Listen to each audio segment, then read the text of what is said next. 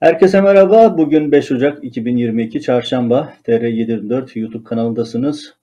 Gündemin öne çıkan başlıklarıyla Nöbetçi Editör programıyla karşınızdayız. Gündemde konuşacaklar var, yorumlanacak gündemler var ve bütün olarak Türkiye ve dünya gündeminden önemli başlıkları size önümüzdeki yarım saat içerisinde aktarmaya çalışacağım. Tabii ki ağırlık iç politika, tabii ki ağırlık ekonomi ama Kazakistan'da da enteresan gelişmeler var. Türkiye gündemiyle konulara paralel bir gündem. Ona da detaylarına bakacağız. İnsan hakkı ihlalleri tam gaz devam ediyor. Ağır insan hakkı ihlalleri sürerken Erdoğan rejimi neler yapıyor, neler yapmıyor bunların hepsini bültende size aktaracağım. Bültene e, Erdoğan'ın bugün programında gözükmeyen bir ziyaretiyle başlayalım. Erdoğan'ın günlük Cumhurbaşkanlığı web sitesinde açıklanan programında bugün MHP lideri Devlet Bahçeli ile görüşmesi yoktu. Bu bakımdan sürpriz bir görüşme denebilir. Yani Erdoğan'la Bahçeli ilk defa görüşmüyor. Hatta daha önce yaptıkları görüşmelerde 15 günde bir görüşelim şeklinde sözleştikleri de olmuştu. Ama e, yaklaşık 50 gündür bir görüşme olmamıştı ve bugün e, böyle bir görüşme gerçekleşti. Görüşme Cumhurbaşkanlığı sitesinde de bulunmuyordu dediğim gibi. Bu yönüyle sürpriz. Görüşme yaklaşık bir saat sürdü ve görüşmeye dair resmi bir açıklama yok. E, biliyorsunuz son dönemde Erdoğan rejiminde gazeteciler, gazetelere yönelik ya da e, medyaya yönelik konularda son derece büyük kısıtlamalar var. E, herhangi bir açıklama yapılmıyor, bilgilendirme yapılmıyor. Zaten görüntüler sadece Cumhurbaşkanlığı Fahrettin ekibi tarafından servis ediliyor. Buradaki temel amaçlardan bir tanesi biliyorsunuz Erdoğan yürürken sendelerse e, ya da işte istenmeyen bir görüntü oluşursa, konuşurken dili sürçerse vesaire bu görüntüleri temizleyip servis ediyorlar. Bu yüzden de bu görüntü, bu olaylar artık son dönemde normal bir e, medya akışı içerisinde gerçekleşmiyor. Erdoğan'da Bahçeli görüştü, resmi açıklama yok ama tahminler var. Ne yönüyle tahminler var? İki boyutuyla biz bu olayı değerlendirmemiz gerekiyor. Birincisi şu, Erdoğan'la Bahçeli görüşmeleri bugüne kadar hep önemli sonuçlar doğurmuştur. Erdoğan'la Bahçeli görüştükten sonra atılan adımlar görüşmelerin içeriği hakkında bize fikir verir. Bundan önce böyle oldu, bugün de böyle olacak. Neler olabilir? Birincisi Erdoğan'la Bahçeli'nin bu görüşmesi seçimi gündeme getirebilir. Çünkü son yıllarda Türkiye'de seçim kararını alan kişi Bahçeli oluyor genellikle. Bahçeli seçime gitme ya da gitmeme konusunda karar veren merci haline gelmiş durumda. Tabii onun dışında başka başlıklar var. Mesela ne var? Anayasa değişikliği tartışması var, seçim yasası var. Biliyorsunuz uzun zamandır Erdoğan ve Bahçeli seçim yasası üzerinde çalışıyor. Bahçeli ekibi seçim yasası ile ilgili önerisini sundu. Erdoğan rakibi henüz seçimle ilgili değerlendirmelerini bitirmiş değil. Çünkü orada görüş ayrılıkları var. Özellikle dar bölge seçim sisteminden tutun da e, seçim barajına kadar belli konularda Bahçeli ile Erdoğan arasında müzakereler devam ediyor. Dolayısıyla bu bir saatlik görüşme içerisinde bunun yapılmış olması son derece muhtemel. Tabii ki başka gündemler var. Nedir? Mesela dün Bahçeli grup konuşmasında çok sert bir şekilde hem İstanbul Büyükşehir Belediye Başkanı Ekrem İmamoğlu'na hem Bülent Arınç'a AKP'nin önde gelen isimlerin hem Numan Kurtulmuş'a çok ağır ifadelerle yüklendi. Bahçeli'nin gerçekten grup konuşmalarında yaptığı ifadeler hani kavgada söylenmez diye, bir tabir var ya tam da ona uyuyor. E, bu ne anlama geliyor? Çünkü Bahçeli bu konularda e, siyaset erbabı olarak bilinir. Yani bir açıklama yaptığı zaman aslında e, bir sonraki hamlesinin sinyalini veriyordur. Buradan nereye çıkmaya çalışıyor? Burada Erdoğan sonrası AKP içerisinde olan liderlik koltuk kavgalarına bir mesaj mı veriyor? Bu da tabii önümüzdeki günlerde gelişmelerden göreceğimiz önemli bir başlık. Başka neler var? Başka HDP'nin kapatılma talebi var. Ee, bu da neyden kaynaklanıyor? Dediğim gibi resmi açıklama olmadığı için tahminler üzerinden yürümek zorundayız. Ve iki liderin siyasi çizgisini izlediğimiz zaman öne çıkan başlıklar bunlar. İşte HDP'nin kapatılması meselesi. Bahçeli her fırsatta HDP'nin kapatılması için yoğun baskı yapıyor, açık ve net ifadeler kullanıyor. Erdoğan bu konuda henüz net bir ifade kullanmadı ama bu tip ifadeleri özellikle Bahçeli'ye söylettiği de bilinen bir siyasi realite. Buradan hareketle önümüzdeki günlerde HDP ile ilgili bir kararın çıkması da bizi şaşırtmaz. Zaten Ankara kulislerine yansıyan çok sayıda senaryodan bir tanesi de bu. Erdoğan seçime az bir zaman kala ki baskın ve bir nevi tuzak bir seçim hazırlığı içerisinde olduğu zaten malum. Böyle bir hazırlık içerisinde HDP'ye bir son dakika kapatması, siyasi yasak getirilmesi ve e, İmamoğlu ve Mansur Yavaş üzerinden açılacak olan iddianamelerde muhalefetin en önemli iki isminin siyaseten felç edilmesi gibi bir eylem planına sahip olduğu da Ankara kulislerinde konuşulan şeylerden bir tanesi. Tabii kulislerde çok şey konuşuluyor ama bu kulis diğerlerinden bir adım öne çıkıyor. Çünkü Erdoğan'ın oyun planı içerisinde mantıklı bir izahı var. Erdoğan normal bir seçime girmesi halinde seçimde istediği sonucu alamayacağını biliyor. Dolayısıyla seçimi olağanüstü şartlara getirmeye, şartları olağanüstü şekilde zorlamaya çalışıyor. İşte bu açıdan Erdoğan-Bahçeli görüşmesi son derece önemli. Bir saatlik görüşme dediğim gibi resmi açıklama yok ama Ankara'daki gelişmeleri okuduğumuzda benim öne çıkan muhtemel görüşme, muhtemel e, pazarlıklarla ilgili öne çıkan dört başlığım bu şekilde. Bunların görüşüldüğünü ve bunlara dair bir e, eylem planının belirlendiğinde önümüzdeki günlerdeki gelişmelerden anlamak mümkün. E, çünkü Bahçeli konumu itibariyle hem iktidarın dışında ama ama aynı zamanda da iktidarın ortağı bir isim. Tabii görüşmenin politik kısmı o, bir de işin magazin kısmı var. Magazin kısmında ne var? Magazin kısmındaki hadise şu. Tabii e, Erdoğan e, Bahçeli'ye doğum günü ziyaretinde bulunuyor. E, ikisi de oldukça ileri yaşta insanlar ve e, oldukça e, sosyal medyada oldukça geniş bir e, yorum yelpazesi var. Hepsini aksatmak çok da mantıklı değil ama öne çıkan iki başlık var. Bir tanesi şu. Bahçeli'ye yanlış hediye tercihinde bulunduğunu söyleyen çok sayıda yorum okudum. Ki bence de aslında enteresan bir tercih yapmış. Erdoğan Bahçeli'ye okul e, defterinin e, altın varaklı bir kutunun içerisinde bir e, tablonun içerisine koymuş okul defterini.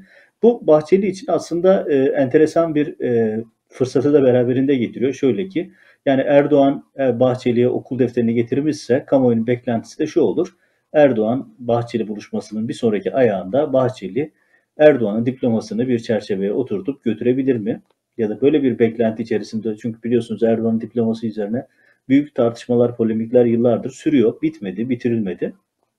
Ve hala Erdoğan diploması kayıp. Gerçek olmadığı yönünde çok güçlü sinyaller de var. Acaba Bahçeli bir sonraki buluşmada böyle bir jest yapar mı? Böylece kamuoyundaki bu beklentiyi de sonlandırır mı şeklinde e, fazlasıyla yorumlar da var. Dikkat çekici bir yorum. Tabii Erdoğan'ın e, kendisine işte e, Sedef Kalkmalı böyle bir üç hilalli daha çok tablo kutusuna benzeyen ama aslında bir kitapmış o. Böyle bir hediye daha vermiş. Tabii bakıma herkes, yani ben ilk gördüğümde bunun bir tavla kutusu olduğunu düşündüm. Dedim herhalde Erdoğan Bahçeli'ye e, şöyle bir mesaj veriyor. Yaşın 74-75 oldu artık ilerledin. Al tablona otur bir yerde tavla oyna demek mi istiyor diye düşündüm ama sonra açıklandığımız sosyal medyaya düşen bilgilere göre o bir, e, bir çeşit kitapmış. Bir e, beraber Cumhur İttifakı'nın işlerini anlatan bir kitapmış. Ama enteresan bir tercih, e, enteresan bir söylem. E, yani işin magazin boyutu da böyle. Ama her şekilde içerik açıklanmasa da bugünün en önemli meselesi Bahçeli Erdoğan'ın görüşmesi. Çünkü iktidar ortağı, koalisyon ortağı iki tarafın atacağı adımlar bu görüşmede şekillenmiş oldu. Önümüzdeki dönem bunun yansımalarını göreceğiz. Buradan siyasetin gündemine hemen paralel bir atlama yapalım. Siyasetin gündemi sokak.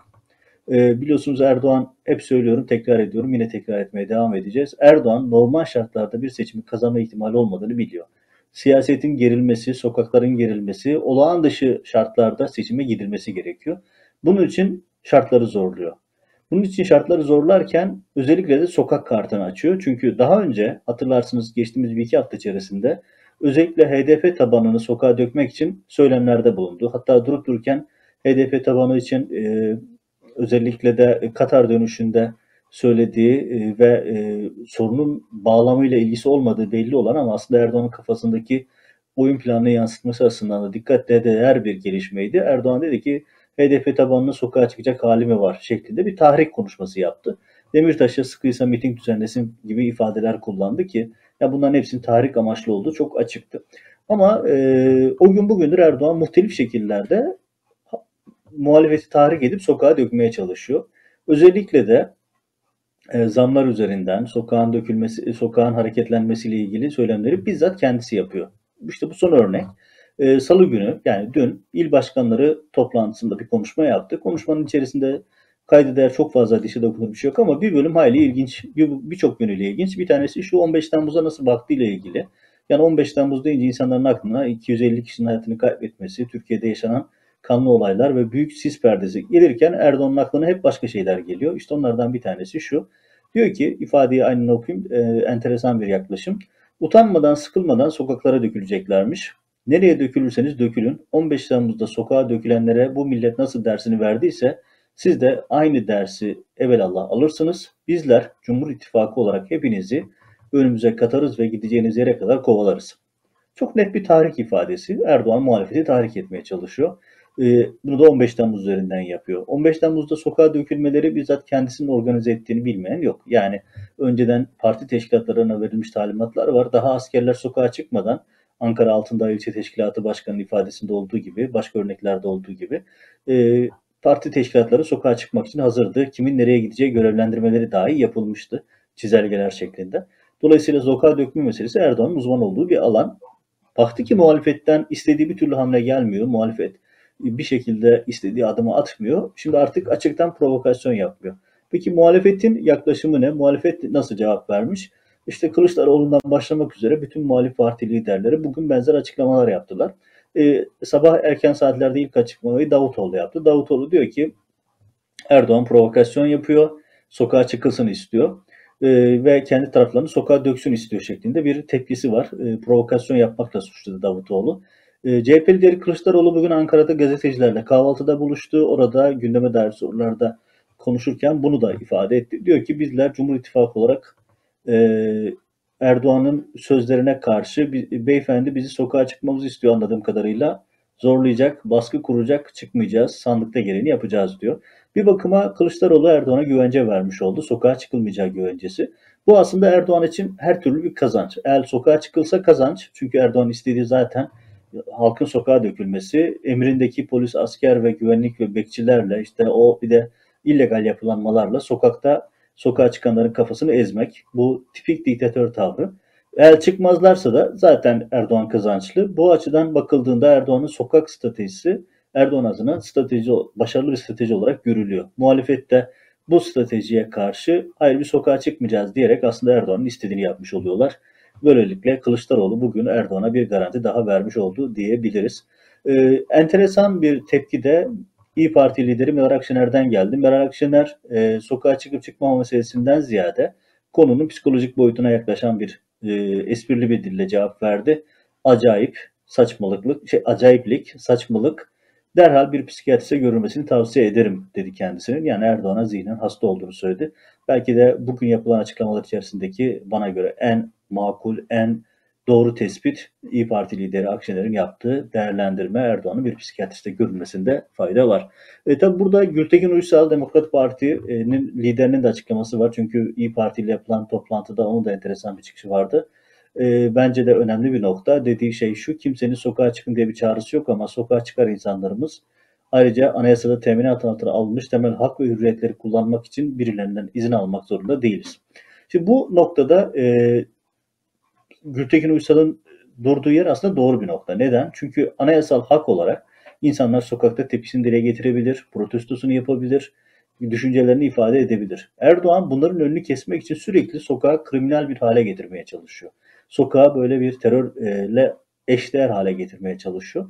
Ama aslında e, bu çok yanlış bir değerlendirme. Sokakta hak aramak son derece medeni bir hak insanlar, medeni bir duruş İnsanlar sokağa çıkıp şiddete, teröre bulaşmadıktan sonra e, ve e, şiddete, teröre bulaşmayı engellemek de devletin görevi zaten. Çünkü insanlar sokağa çıktığı zaman örgütler bunu provoke etmek isteyebilir.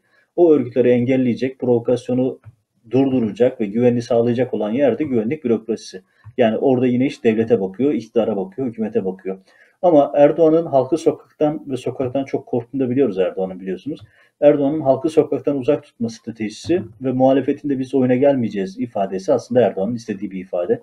Bu gündem itibariyle aslında Erdoğan istediklerini almış olarak gözüküyor diyebiliriz. Tabii sokak gündemi deyince şu anda dünyanın bütün dünyanın her yerinden herkesin gözü Kazakistan'da. E, sürpriz bir gelişme. Hani biz Arap Baharı'nda, e, Orta Doğu'da, Kuzey Afrika'daki gelişmelerde ya da işte Kafkaslar'daki, Balkanlardaki gelişmelerde alışıktık bu tip görüntülere. Ama şimdi enteresan bir yerden, Kazakistan'dan geldi. Hani demokrasi ve e, uluslararası standartlar açısından çok da örnek gösterilen bir bölge değil. Her ne kadar Kazakistan biraz daha komşularına göre iyi olsa da ilginç bir gelişme oldu. Kazakistan'da akaryakıt e, yakıtlara, LPG'ye yapılan zammı protesto eden halk sokaklara döküldü. Protestolar ikinci gününde ve daha birinci günün akşamında Cumhurbaşkanı Tokayev hükümeti görevden aldı.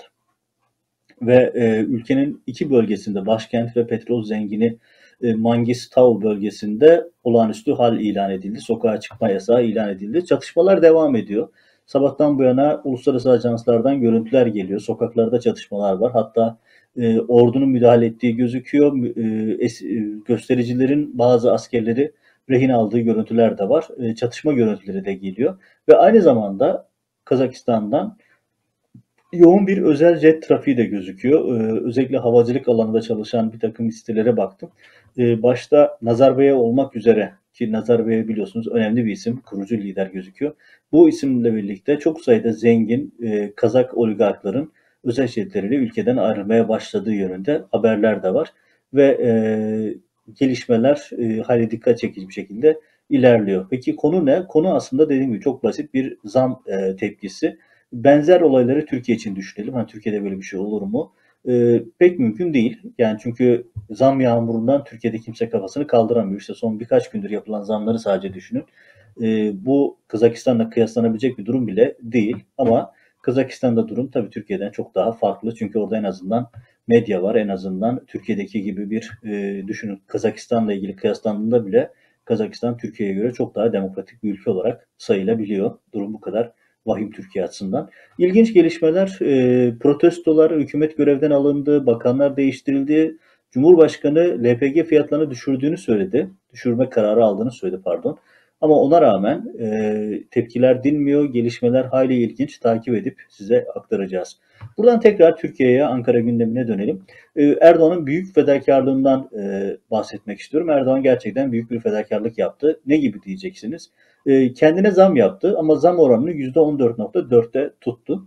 E, diyeceksiniz bu fedakarlığı neresi? E, şimdi Erdoğan kendine %14 zam yaparken e, memura e, asgari ücretliye neredeyse %50 zam yapmıştı. Memurlara %30.5 yapmış. Emeklilere de %25.4 yapmıştı. Hani bunlara bunu yapıyorken kendisine niye sadece %14 yaptı? Ve o da oradanın yüce gönüllülüğüne var e, verin. Çünkü Erdoğan e, gayet fedakarlık yaparak %14'te tuttu. Kendisine de %50 zam yapabilirdi. Kimse de buna itiraz etme şansına sahip değil zaten. Peki Erdoğan %14.4 zam yapınca maaşı ne oldu? 12 bin lira arttı Erdoğan'ın maaşı. 88 bin liradan 100 bin 750 liraya çıktı. Yuvarlak hesapla 100 bin lira diyelim Erdoğan 100 bin lira maaş alıyor. Tabii 100 bin lira maaş Erdoğan'ın diğer gelirler arasında e, dişinin kovuna bile girmeyecek bir rakam ama 100 bin lira maaş aldığını da not olarak eklemiş olalım. E, 12.750 lira artmış oldu Erdoğan'ın maaşı ve bu artış %14.4'te kaldı. Dediğim gibi emekliye yaptığı ya da işte asgari ücretliye yaptığı %50 zammı kendisine de yapabilirdi. Böyle bir fedakarlıkta bulunarak kendi zammını %14'te tutmuş oldu Erdoğan. Buradan tebriklerimizi, takdirlerimizi iletmiş olalım. Şimdi bu noktada önemli bir e, detaya e, dikkatinizi çekmek istiyorum. O da şu. Şimdi kış geldi, havalar soğuk ve malum ısınmak temel bir ihtiyaç. Lüks bir madde değil, ısınma ihtiyacı. Barınmak gibi çok temel ihtiyaçlardan, yeme içme gibi. Ankara Milletvekili, CHP'nin Ankara Milletvekili Nihat Yeşil'in mecliste verdiği bir soru önergesine Enerji Bakanlığı verdiği cevaplarda enteresan detaylar var. Şimdi ben size birkaç tane dikkat çekici detay getirmek istiyorum. O da şu.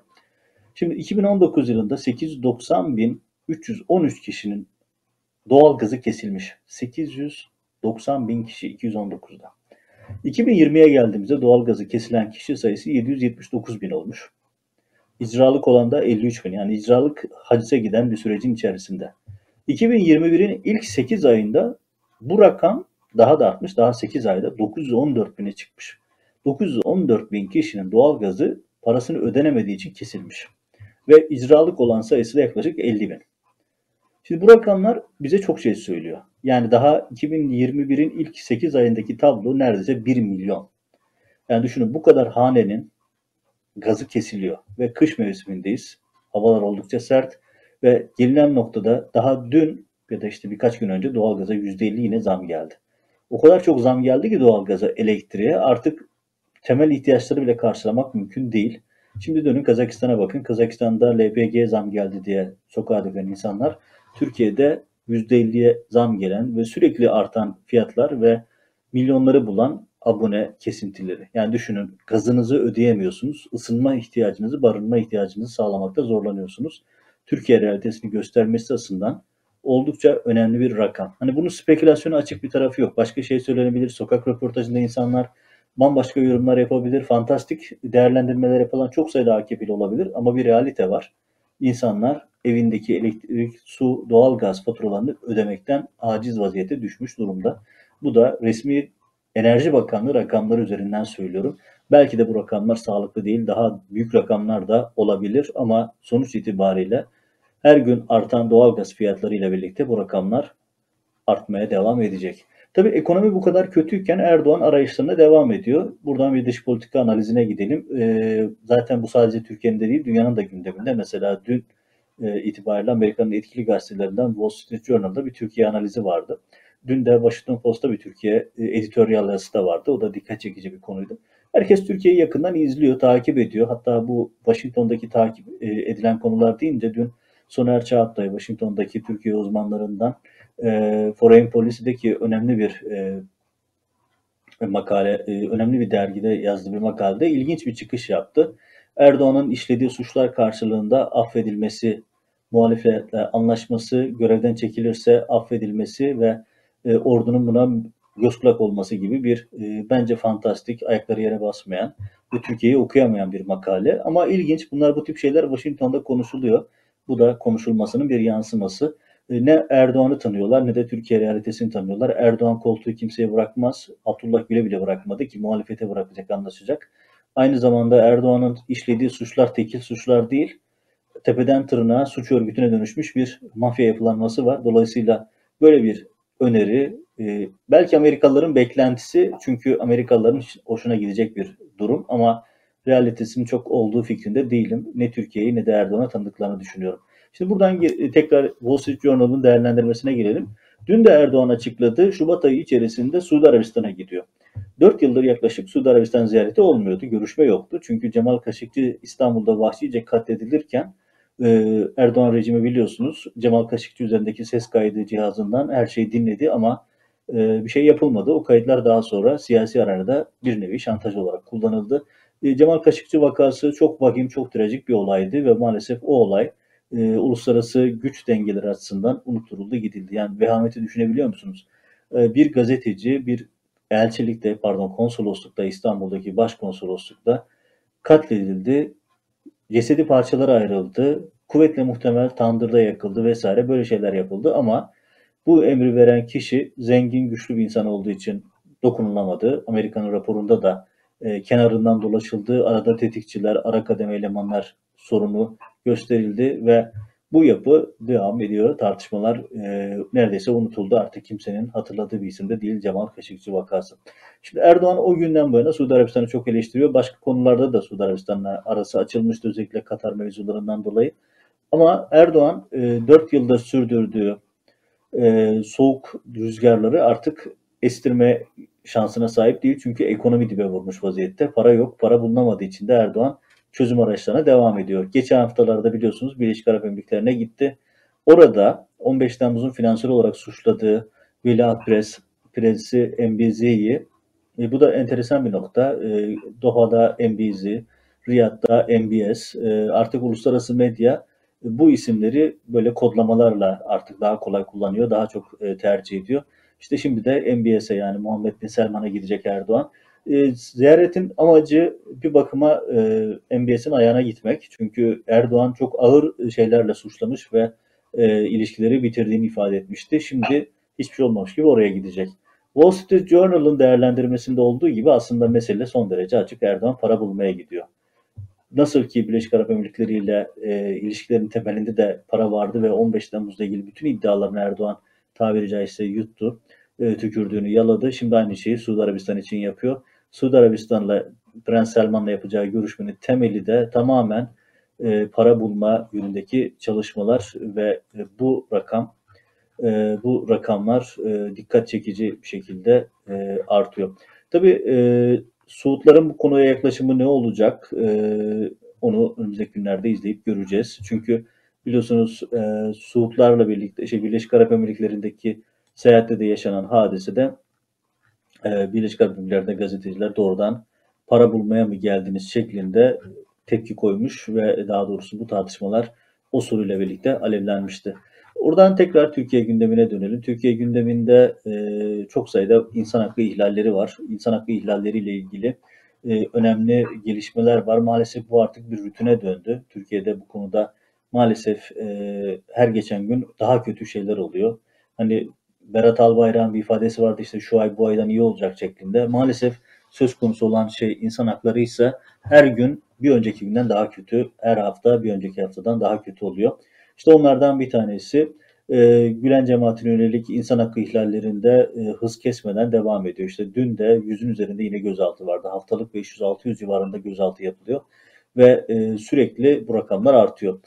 Bugünkü sembol örnek ise e, İzmir'de bilinen, tanınan, sevilen, hayırsever birisi 82 yaşındaki Yusuf Bekmezci. Kendisiyle ilgili kızının paylaşımları var. Ömer Faruk Gergerlioğlu'nun bugün paylaşımları var. E, tweetlerinde ekranda getirdiğim şekilde göreceksiniz. Tweetlerinde de gördüğünüz gibi kendisi 83 yaşında pardon ben 82 demiştim. 83 yaşında ağır hastalıkları var ve dün ameliyatta kalbi durmuş ve şu anda yoğun bakımda. Hastane süreçleri çok vahim. Ameliyat e, hastane süreçleri dışında mahkeme süreçleri de çok vahim. Daha önce bu bültenlerde size duruşmalarda söylediklerini anlatmıştık. E, Alzheimer sorunu var. Yani nerede olduğunu, kim olduğunu bilmiyor. Düşünün mahkemedeki sorulara bile cevap veremiyor. Cevap vermesi de mümkün değil çünkü çok ciddi sağlık sorunları var. Şimdi 83 yaşındaki bir hayırsever bir insan. Yani bu hayırsever bir insan olmayabilir. E, herhangi birisi olabilir. Hiç sorun değil. Cezaevindeki bir insanın sağlığı devlete emanettir. Onun sağlığı devletin sorumluluğu içerisindedir. Bu yaşa gelmiş 83 yaşında olan ve çok ağır hastalıkları olan yani o kadar çok e, hastalığı var ki sürekli hastaneye gitmek zorunda kalan, sürekli tedaviye, bakıma muhtaç olan bir isimden bahsediyoruz. Ve dünkü ameliyatında kalbi durmuş ve hala tahliye edilmemeye diretiliyor. Yani tahliye edilmesi için ölmesini mi bekliyorsunuz? Daha neyi bekliyorsunuz? Abdülhamit Gül sosyal medyadan, medyadan böyle çok humanist, Norveç, İsveç, e, Adalet Bakanı gibi mesajlar vermeye devam ediyor. Kediyle köpekle sempatik fotoğraflar verir, biraz ilgi toplamaya çalışıyor. Ama kendisinden beklenen Adalet Bakanlığı yapması, Adalet Bakanlığı yapması gereken işleri yapmasını bekliyoruz. Bakın 83 yaşında ağır hastalıkları olan, Alzheimer olan, kendini ve e, nerede olduğunu bile bilmeyen bir hasta ısrarla cezaevinde tutulmaya devam ediyor ve şu anda yoğun bakımda. Sosyal medyada hakkında binlerce tweet atıldı. Binlerce insan bu hakkın ihlalinin son bulmasını bekliyor. Buradan tekrar çağrı yapalım. Tekrar çağrı yaparken şu soruyu soralım. Tahliye etmek için ölmesini mi bekliyorsunuz Sayın Abdülhamit Gül? Bu kaçıncı isim? Daha dünkü bültende de verdik. KHK ile mağdur edilen bir sağlık çalışanı ölümünden yıllar sonra sonra masum olduğu ortaya çıktı. Daha doğrusu devlet zaten masumdu. Devlet yıllar sonra masum olduğuna karar verip görevi iadesine karar vermişti. Peki mezardaki bir insana görevi iade ettiğiniz zaman ne olmuş olacak? Hiç kendinize sordunuz mu Sayın AKP yöneticileri, Sayın Saray Eşrafı? Mezardan mı iade edeceksin insanı? Bu kaçıncı durum? Yusuf Bekmezci'nin meselesi acil bir durum, acil tahliye ve acil tedavi gerekiyor. Bu konuda çok daha e, duyarlı olmak gerekiyor. Tabii Yusuf Bekmezci örneğinden e, HDP'lilerin de örneklerinden devam edelim. Aynı şey başka isimler için de geçerli. Aysel Tuğ'un örneğini biliyorsunuz çok ciddi Alzheimer sorunu yaşıyor. Cezaevinde çok ciddi sorun yaşıyor ve maalesef bakanlık bunlara da duyarsız. Onu da hatırlatmış olalım. Evet bültende maalesef iç açıcı haberler veremedim. Çünkü Türkiye realitesi bu. Erdoğan Türkiye'si sadece acı, gözyaşı ve daha acı haberlerle dolu. Ve bitirirken son haberi e, yine zam haberleriyle verelim. E, yoğun bir e, tartışma var. Alkole çok yüksek oranda zam getirilmiş. Bu meseleyi birçok kişi, sosyal medyadaki birçok kişi de rejim hassasiyeti olarak değerlendiriyor. İşte Erdoğan alkol tüketilmesini engellemek istediği için yapıyor. Yani ben şunu hayretler içerisinde izliyorum. Erdoğan 25 yıldır siyasette aktif olarak herkesin önünde her gün konuşuyor ve hala insanlar Erdoğan'ı tanıyabilmiş değil. Alkole getirdiği yüksek zam mı bunun bir dini gerekçeli olduğunu falan iddia eden buradan bir laik anti tartışmasına çıkmaya çalışan bir takım kesimler var. Ya, tekrar eden söylüyorum Erdoğan'ın parası, tanrısı paradır ve bütün motivasyonu kendi koltuğunu korumaktır. Alkolle ilgili hassasiyeti de oradan para kazanmak. Çünkü yüksek miktarda vergi koyarak yoğun bir şekilde para kazanmanın etrafı yapılıyor. Yoksa hadise alkolle ilgili düzenlemeler yani düşünün alkol haramda uyuşturucu tacirciliği, kokain pazarlamacılığı helal mi? Bu rejim kokain pazarlamaktan geri durmayan bir rejim. Kokain pazarlayan, bir sürü sentetik uyuşturucu pazarlayan ve AKP teşkilatlarında yoğun bir şekilde kullanılan biliyorsunuz pudra şekeri diye kapatmaya çalıştıkları hadiseyi hatırlayın. Olan bir parti. Yani AKP'nin dini hassasiyeti yok. Erdoğan'ın dini hassasiyeti yok. Erdoğan'ın tek hassasiyeti paradır ve alkolle ilgili kahve bugün yine kahve ile ilgili %50 oranında yoğun bir zam geldi. Her alana gelen zamların temel bir motivasyonu var. Para. Paranın dışında hiçbir hassasiyeti yoktur Erdoğan'ın. Bunu bugüne kadar öğrenememiş olmalarına da hayretler içerisinde izliyorum. Evet bugünün 5 Ocak 2022 Çarşamba gününün öne çıkan başlıkları bu şekildeydi. Kanala abone olur, yorum yazar, yorumları paylaşır, yayınları paylaşırsanız daha fazla insana ulaşma imkanımız doğar. Bu bilgiyi hatırlatarak, bu hatırlatmayı yaparak bülteni kapatmış olalım. Önümüzdeki yayınlarda görüşmek üzere.